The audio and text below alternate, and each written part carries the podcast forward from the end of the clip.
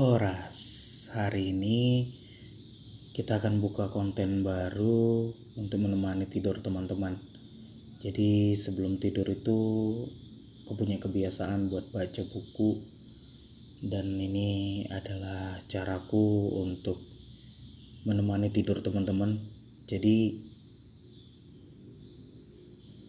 podcast ini akan berisi tulisan-tulisan yang bisa men, bisa banget menemani tidur kalian. Agak sedikit religius, tapi semoga kalian suka. Oke, kita mulai. Obrolan imajiner dengan Tuhan. Tuhan itu kreatif. Sekali waktu aku pernah meminta sesuatu. Kelamaan gak ada jawaban, kulupakan saja. Sisa harap ku ganti dengan bermain hayal sendiri. Tak ada hujan, tak ada panas, mendadak saja. Dia ngasih sesuatu yang pernah kupinta itu dengan riang gembira, tanpa syarat, tanpa basa-basi. Tiba-tiba sudah harus kuhadapi. Padahal waktu itu aku sudah lupa pernah minta apa. Nyoh tak kasih seperti yang pernah kamu minta, kata Tuhan. Aku malah ragu-ragu menerima. Enggak deh Tuhan, takut. Takut enggak bisa melihara dengan baik. Pemberianmu ini terlalu indah, sangat indah. Bisa kecewa aku kalau keterusan. Aku kan mintanya yang biasa-biasa aja.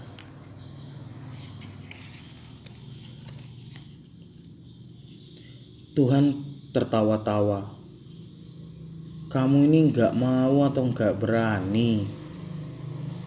Aku diam saja karena sebenarnya alasan kedua yang lebih tepat. Pemberiannya kali ini selain emang lain dari yang lain, sekaligus beda dari mimpi-mimpiku selama ini. Di satu sisi dari hatiku terjadi penolakan, takut nggak bisa jaga dan bertanggung jawab atas pemberiannya. Ayo, mau diambil apa enggak? Tanya Tuhan lagi padaku. Aku masih ragu-ragu. Gimana ya? Pengen juga sih. Lah, aku udah minta dari zaman kapan-kapan. Cuma nantinya bermasalah, rasanya aku belum sanggup. Harus bangun lagi dari masalah itu. Apa pun yang terjadi di hari-hari lalu, belumlah cukup mengembalikan semangat yang memang sedang terpuruk. Pelan-pelan aku mundur lebih baik gak usah saja. Kasihan sebongkah hati ini yang gak bisa menerima terus menerus menanggung perih.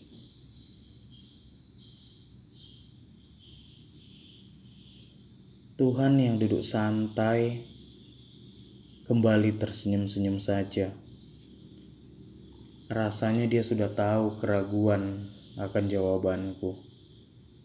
Ia hanya pura-pura tidak memandangku seperti yang di masa lalu waktu aku di bangku SD. Dia sedang mempraktekkan kehendak bebas yang dari lahir telah ia berikan kepadaku. Rasanya dia ingin tahu apakah aku sudah menggunakannya sebaik-baiknya. Tapi kalau ternyata dalam perjalanan gak sesuai dengan yang dipikirkan gimana? Kepalaku masih pening, kepalaku masih ragu. Semenit dua menit tidak ada suara. Desau angin melebarkan dinginnya di antara kami.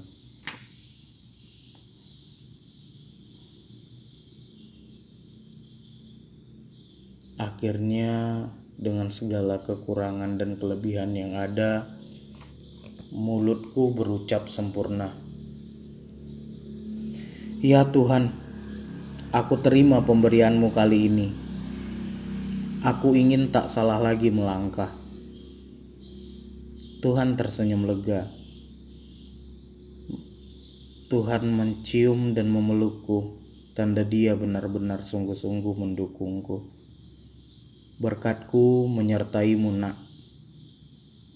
Hari berganti hari, tak menghentikan detik yang berlalu cepat.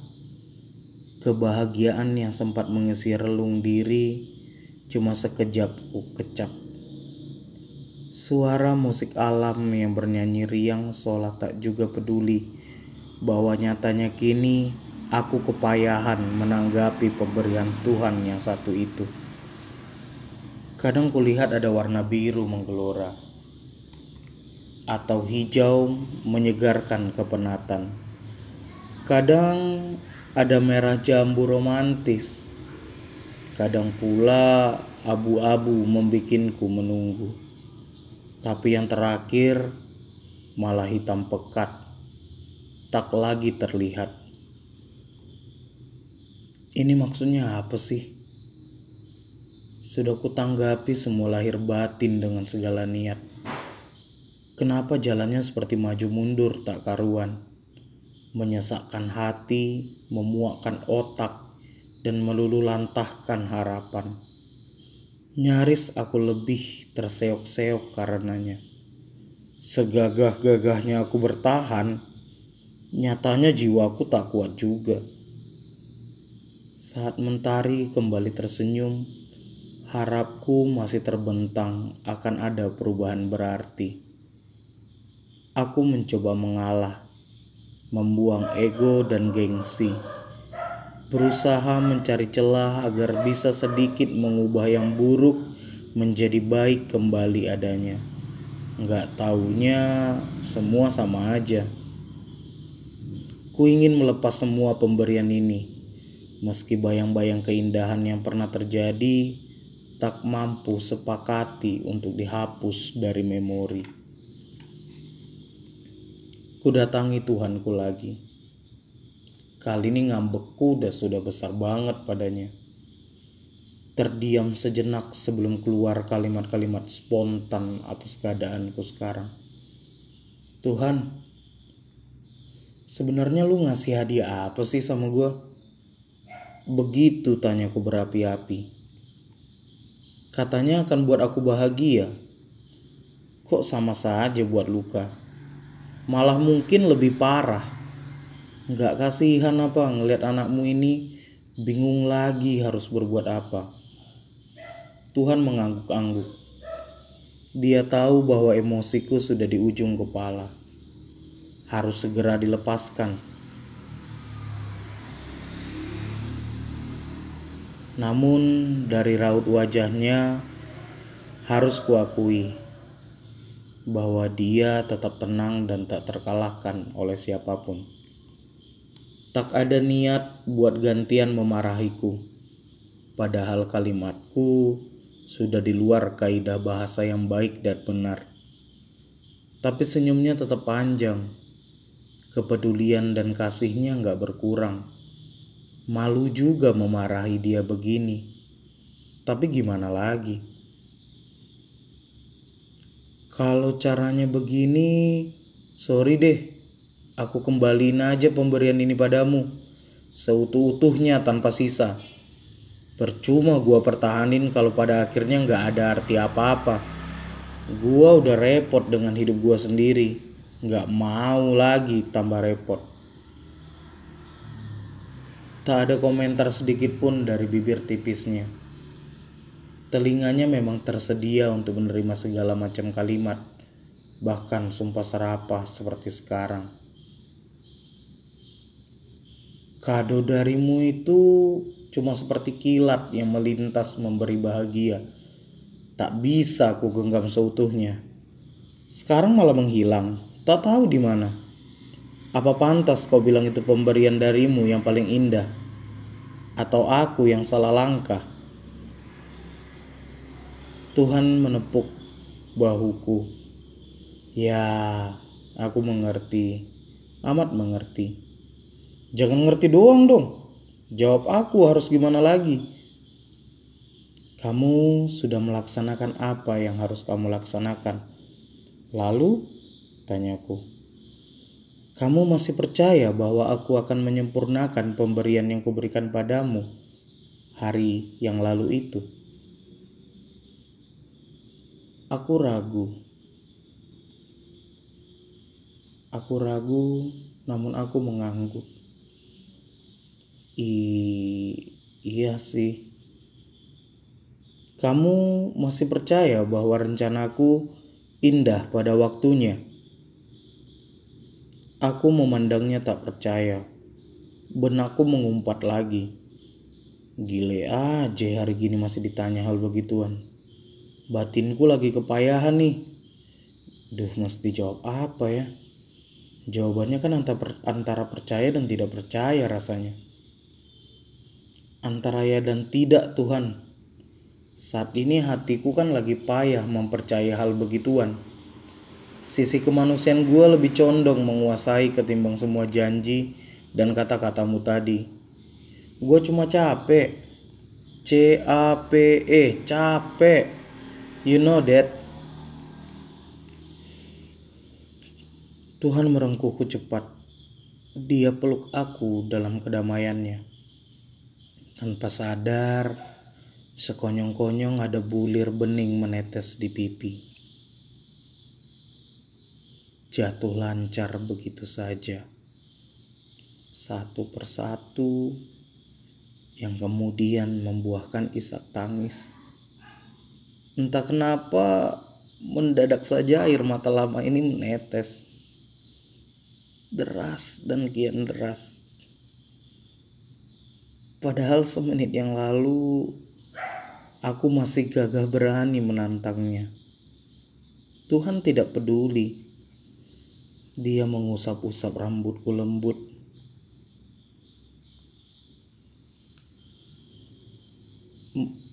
Mulai sekarang akan aku undang burung banyak berkicau agar memberi musik tenang di telingamu yang panas. Akan kupanggil angin berembus tenang agar menyegarkan gerahnya hatimu.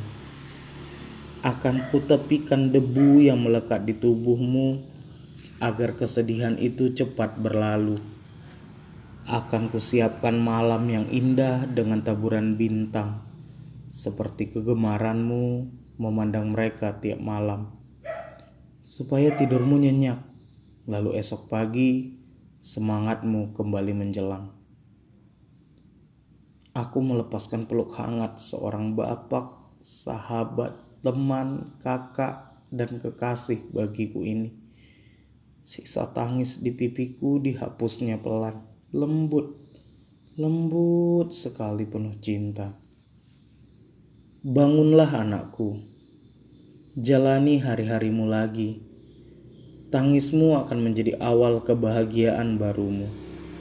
Akan ada banyak pelajaran kelak kau dapat.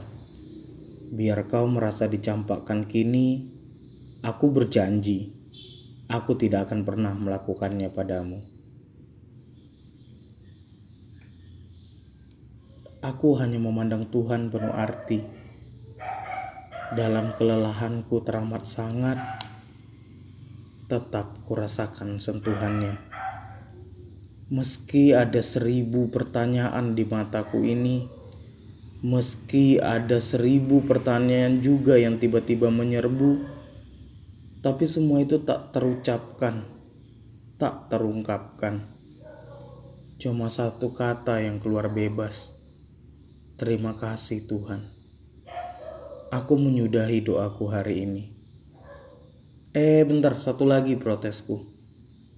Aku mau menekuni hari-hariku kembali, biar harus tertatih seperti janjinya. Pasti aku bisa mengatasi. Kan ku tunggu saat itu tiba. Cuman, aku manusia biasa di balik percayaku bahwa Dia akan menyempurnakan pemberiannya serta menjadikan indah pada waktunya. Perjalanan proses menunggu semua itu membikinku sering kali merasa nggak kuat. Waktu terasa sangat panjang dan lama. Tuhan, jangan lama-lama dong. Please. Tuhan, Jangan lama-lama.